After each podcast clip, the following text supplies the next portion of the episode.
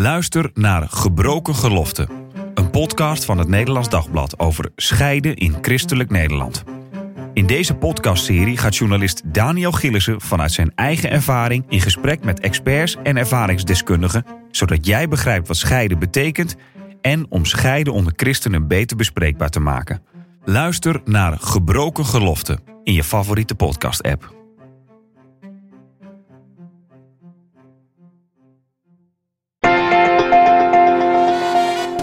De Sekspodcast. Christenen over relaties, liefde en seks. Leuk dat je luistert naar de Sekspodcast van het Nederlands Dagblad. Ik ben Marien Korterink en in deze podcast praten we wekelijks over relaties, liefde en seks. En dat doen we naar aanleiding van een column die je in de krant hebt kunnen lezen. De ene week komt die van seksuoloog en relatiecoach Phoenix de la Vosse en schuift zij bij me aan. En de andere week komt hij van relatiecoach Kokkie Drost en dan schuift zij bij me aan. Deze week is dat Kokkie. Hi Marien. Ja, jij schrijft deze week over gips om je hart. Ja. Uh, maar dat bedoel je niet letterlijk, denk ik zo. Nee, nee. Hoewel uh, voor sommige mensen dat misschien een aanlokkelijk idee is. Uh, ik ben uh, hierbij gekomen omdat mijn tweede dochter haar enkel heeft gebroken een paar weken geleden. En die zit nou dus in het gips.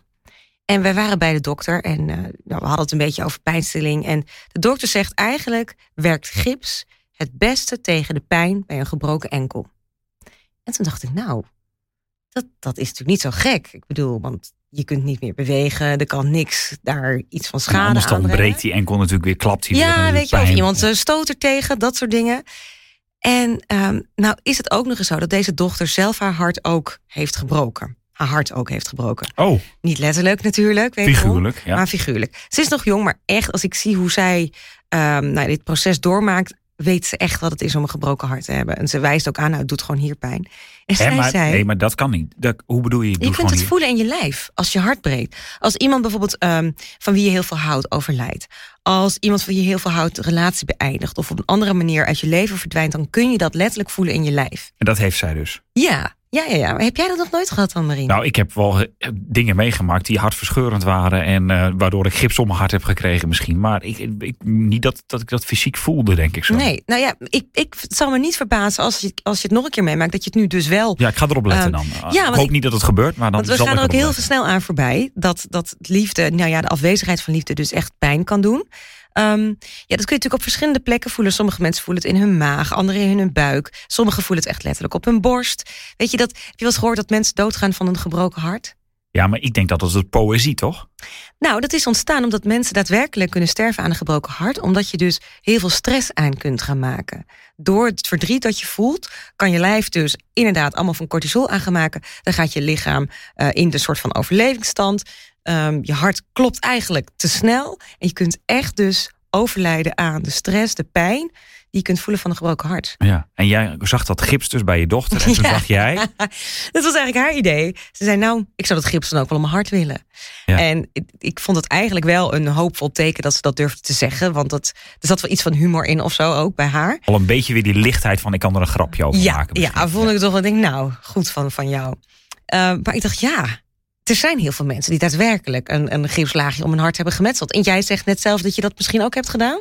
Ja, maar dat, ik denk dat je dat onbewust doet, toch? Ja, dat klopt precies, ja. Dat ik dat dus niet meer weet dat ik dat gedaan heb. Nou ja, weet je, dat is dus...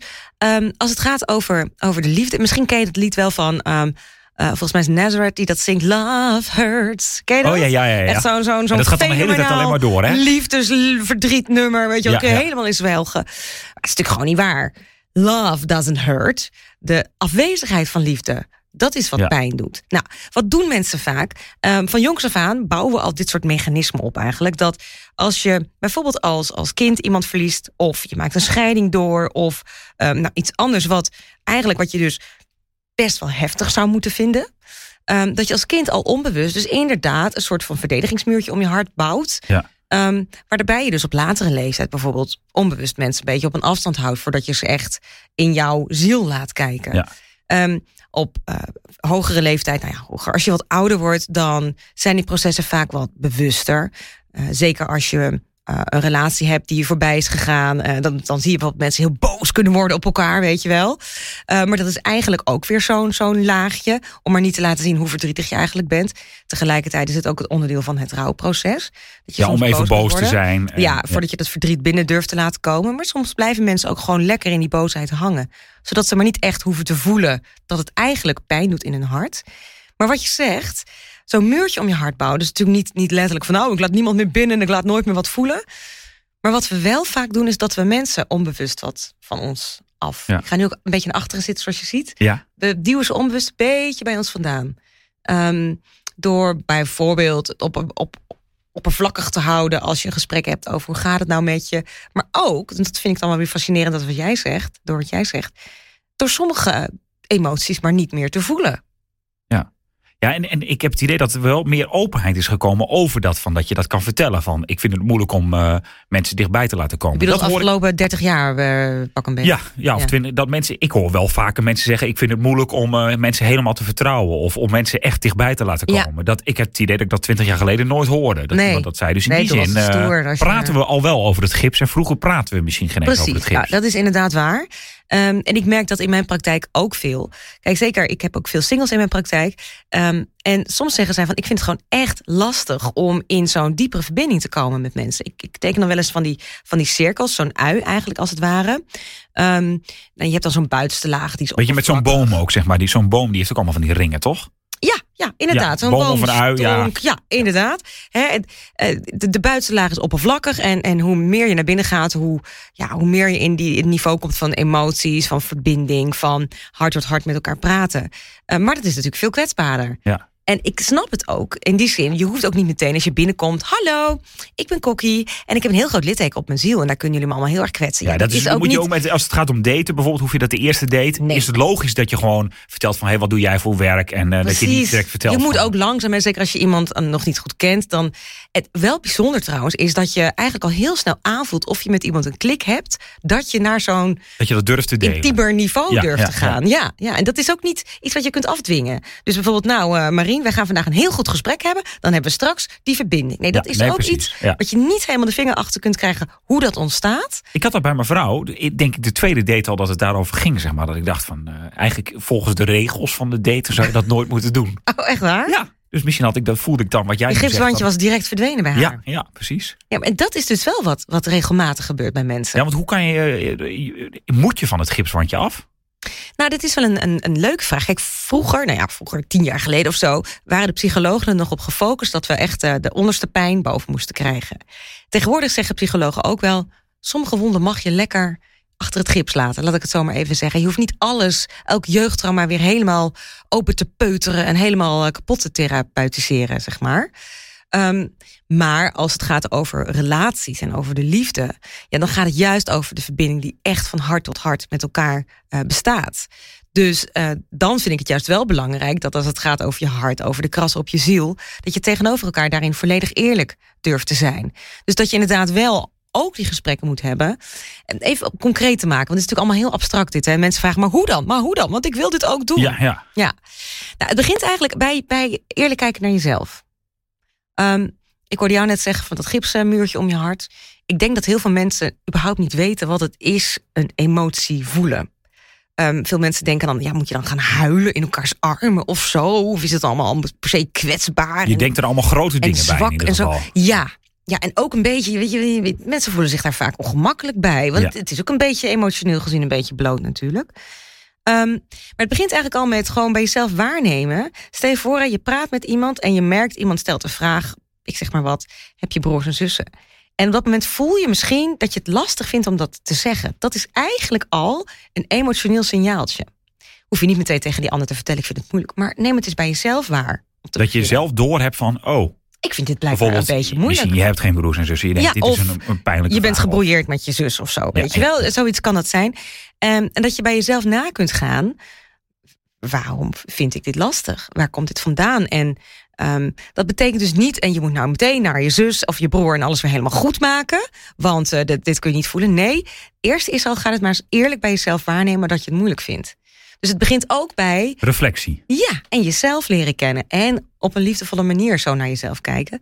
Ehm, want dan worden je emoties ook iets wat veel meer ehm, vertrouwelijk voor je wordt. Wat je sneller gaat herkennen. Wat ook niet meer iets is van, oh, maar dit is zwak. Nee, dit is wat logisch is. Af en toe zit er een, een kras op je ziel of ergens een pijnplek die wordt aangeraakt door bijvoorbeeld een vraag van een ander. Nou, wat mensen vaak doen als eerste reflectie is: stel nou, je vraagt dus, of je krijgt de vraag: uh, heb je broers of zussen? En uh, al jouw gipsmuur.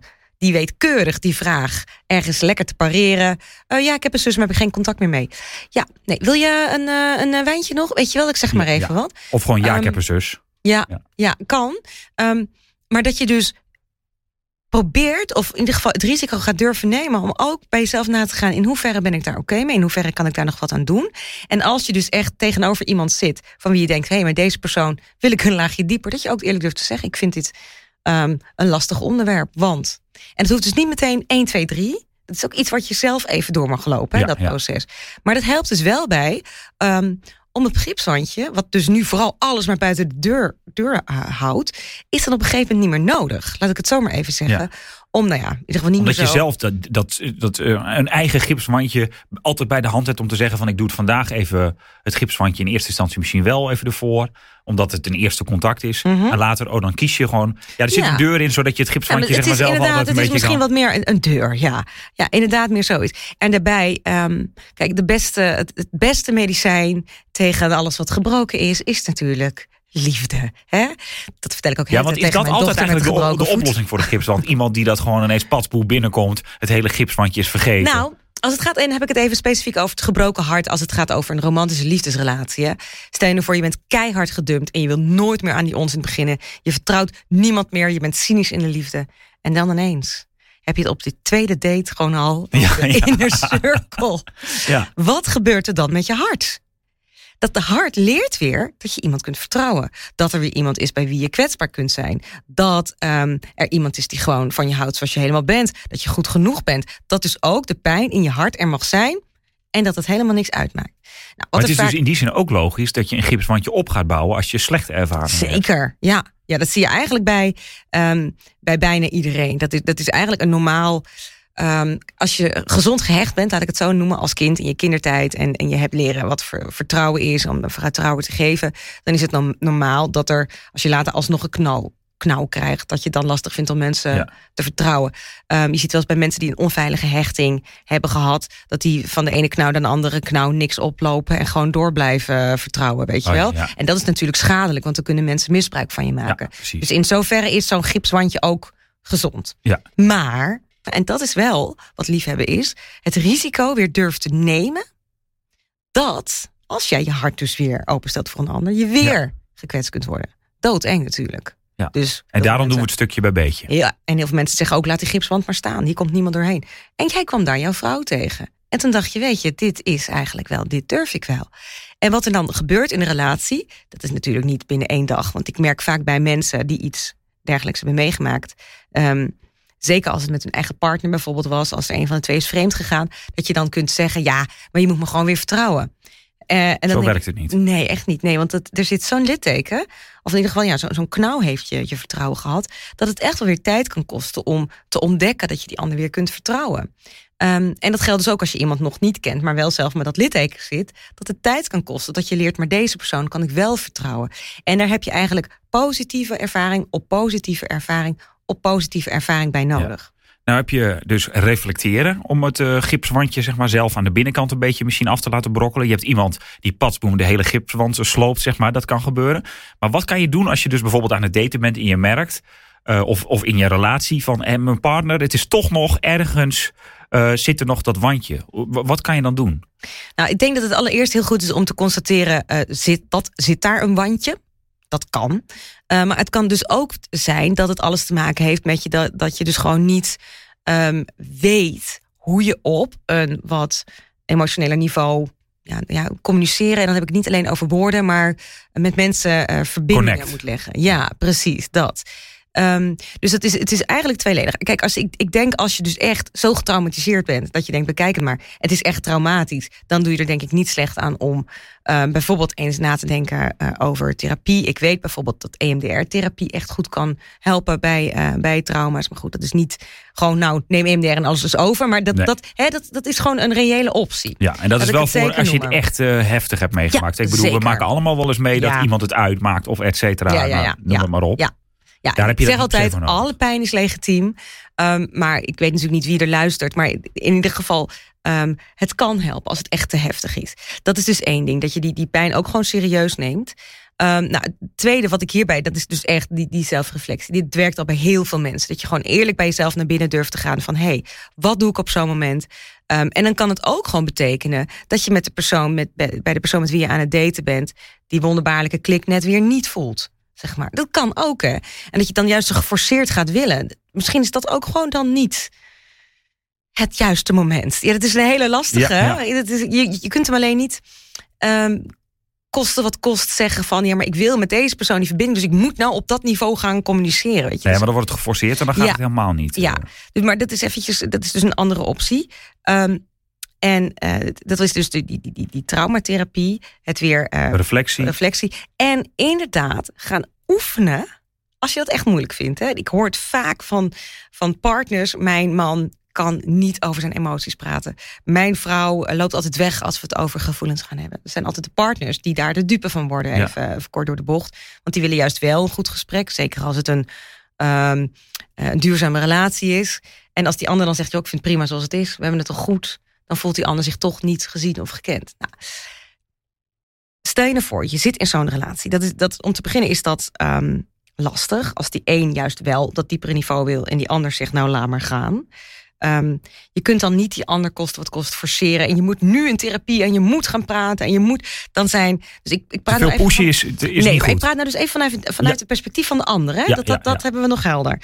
Um, wat ik dan vaak adviseer is. Um, probeer eens eventjes met je taalgebruik ook gewoon naast je, naast je partner te gaan staan. En ga zeker geen dingen zeggen als we gaan eens even goed praten. En, uh, maar wat voel je dan? En waar, weet je, je, je bent niet de therapeut. Uh, dat is één ding. Dat is ontzettend lastig, want je moet dus een beetje gaan loslaten. Wat je wel kunt doen, is je partner proberen te helpen naar bepaalde woorden. En dus, dus bijvoorbeeld vragen stellen. Ik Ja. probeer even te zien van, ik heb een slechte ervaring op het werk gehad. Ja. Of mijn vrouw dan eh, bijvoorbeeld juist. Mhm. En eh, dat ze zegt van, nou, eh, het ging niet helemaal goed met dat gesprek. En dat ik dan zeg, maar eh, en wat voelde je daarbij? Ja, dat, dat, Dat is ik echt een hele enge Ja. vraag. Ja, nee, maar hoe moet je dat dan wel doen? Ja. Want je wil wel die laag proberen te bereiken. Wat je dan kunt doen is eigenlijk um, helpen met zoeken naar de goede woorden die passen bij het gevoel van de ander. Nou, wat ik zelf nog wel eens doe bij mijn man, als je luistert, schat, weet je precies hoe ik het doe. Ik kijk heel erg naar, naar zijn mimiek, naar zijn gezicht. Um, ik zie bijvoorbeeld dan iets in zijn, zijn ogen dat er. Dat er, dat, er ja, het is eigenlijk gewoon, je kent je partner natuurlijk op een gegeven moment zo goed. Je ziet al aan zijn of haar lichaamshouding wat er een beetje is. En soms vraag ik van, hey, um, zit, je, zit, je, zit je ergens mee? Ik heb het idee dat, nou, en dan soms is het antwoord, nou, ja, het gaat gewoon niet. Oké, en voel je je dan een beetje alleen staan? Of heb je het idee dat het te veel is? Of... En dan zegt hij, ik wil het er niet over hebben bijvoorbeeld. Dat kan, dat kan. En dan is het ook even goed. Dan moet je Oké, het even laten. Wil je een biertje? Uh, zullen we even lekker wat uh, een film kijken of zo? Dat mag soms ook wel even. En dan niet overhaasten. Dus nee, ook. kijk, als jij dus de, de partner wordt die blijft pushen en blijft trekken, ja, dan gaat die ander echt gillend wegrennen. Ja. Eh, soms mag je ook even de tijd geven. Maar, hallo, je hebt ook behoefte aan. Um, Die verbinding. ja, Ja. op dat emotionelere niveau. Um, en daarbij moet je dus soms echt even ook je partner aanspreken van hé, hey, ik vind dat fijn. Nou, als je partner zegt van ik snap dat en ik, ik wil dat ook graag met jou, maar als je zo gaat trekken, dan klap ik dicht. Dan heb je dus eigenlijk al um, alle lichten op groen staan, laat ik het zo maar even zeggen, om gewoon op een lichte manier wel op een wat dieper niveau te gaan praten. En dat betekent dus niet, oh, dus je voelt je heel eenzaam. En je hebt het idee dat je niks waard bent. Nou, dat hoeft ook helemaal niet. Maar gewoon al woorden als ik zie dat je een beetje gestrest bent. Um, klopt dat? Uh, krijg je het allemaal nog een beetje op een rijtje? Weet je, dat je eventjes gewoon wat aan handvatten geeft van... hé, hey, um, klopt het dat Ja. ik dat goed zie? Oké. Ja, dus niet En direct dan- die emotionele, extreem emotionele toon van... eh, Ja. Maar gewoon een beetje ertussen. En ook, klopt het dat ik dat goed zie? Klopt dat? En dat die, als die ander zegt nee, dan zeg ik, oh, oh, oh, dan zie ik het verkeerd. Weet je, dat ook. Ja. Nee, maar ik zie het wel. Nee, maar jij, nee, maar je voelt het toch niet. Maar ik- als je zo gaat Ja, doen, ja, dat komt er niet hè, dan krijg je weer dat eng. Geef, die- gun de ander dus ook zijn of haar proces. Nou, hoor je dit en je denkt, ja, maar ik heb echt geen zin in al het emotionele geneuzel. Dat Ja. hoor ik heel vaak. Oh ja, ja, ja. ja. ja, ehm, ja, dan denk ik, oh, Mensen oh die maar denken, ik dan heb mijn je partner dit niet luistert. ja. Ja. Maar denk, oh, maar dan heb jij emotioneel geneuzel nodig. Als je zo duidelijk je gipswandje optrekt, dan is het echt, ja, ik zeg nou even lachend, maar ik, dit komt serieus nog wel eens voor. Mensen die echt geen zin hebben in dat emotionele gedoe, die vinden dat gewoon onzin en het is toch prima. Weet je, dan vergeet je dus wat de behoefte van je partner eventueel is. Ehm, maar je vergeet ook dat je veel meer bent dan alleen maar een, een, een robot. Weet je, we hebben niet voor niets onze emoties. We zijn meer dan onze emoties. Hè? Even voor onze duidelijkheid, voor de duidelijkheid. Ehm, als ik morgen ineens een, een, een, een knappe kerel zie en ik ook voel me zo aangetrokken. Nee, dat moet ik echt. Nee, natuurlijk niet. Dat Nee. is gewoon leuk dat mijn systeem dat dan ziet. Ehm, Maar daar ben je zelf de het baas systeem. nog over. Ja, ja, ja. je bent zelf verantwoordelijk voor wat je doet met je emoties, hè, voor Ja, alle duidelijkheid. Maar soms willen emoties je wel wat leren. Ehm, bijvoorbeeld, hè, als iemand inderdaad jou een vraag stelt, als mijn man mij ergens kritiek op geeft, zeker als het huishoudelijke aangelegenheden zijn, dan wil ik nog wel eens heel erg uit mijn slof schieten. Ja. Nou, en dat, wat moet ik daar nou mee doen? Eventjes concreet makend.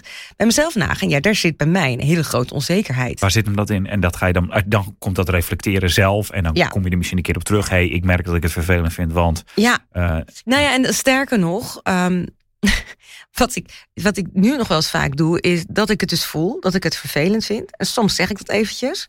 Ehm, maar dat ik ook zeg tegen hem, maar daar hoef je helemaal niks mee. Laat mij het maar even, even- lekker. ja. Ja. ja. En weet je, dat is ook, we willen zo vaak elkaars emoties ook oplossen. We willen zo vaak elkaars gipswandjes afbreken. Terwijl het juist ook de kunst, juist ook de kunst is. Hé, maar wacht even, dit is, dit is jouw proces. Je mag het ook bij de ander laten, in die zin. dus niet te veel forceren van de buitenkant. In die zin. Ehm, bij elkaar. Ja, nou ja, forceren vind ik dan weer zo'n negatief woord. Ik Ja. denk echt wel, weet je, jij bent in beweging gekomen toen je je vrouw ontmoette. Ja. Hè?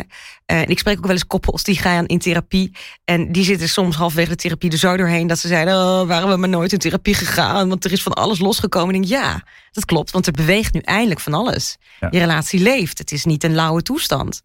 Ehm, eh, dus wat dat betreft, denk ik, er, er mag ook wel aan, aan, aan geschud worden. Ja. Aan, aan dat, dat Maar vaste- forceren is dan weer negatief, maar gewoon. eh, nou, als jij de, ander kloppen. er dwingt om tot jouw inzichten te komen, ja. dan, dan Nee. bereik je tegenovergestelde. Ik heb nog één laatste vraag. Want jij zei eerder eh, dat artsen nu soms wel eens zeggen. Nou, ik zal het wandje maar laten staan. In welke gevallen is dat zo? Want het klinkt heel erg van. Ja, eh, ik heb een wond, ik heb een wond en ik doe er maar een pleister Ja. op. Terwijl die Ja. wond moet natuurlijk. In de kern is het best als die geneest. Nou, dat kan, ja, dat kan bijvoorbeeld echt wel een, een, een, een diep jeugdtrauma zijn. Ehm, eh, waarbij kinderen een soort van natuurlijk mechanisme hebben. ehm, dat dat soms ook dus veilig op een plek kan blijven. eh, dat het hun leven niet belemmert.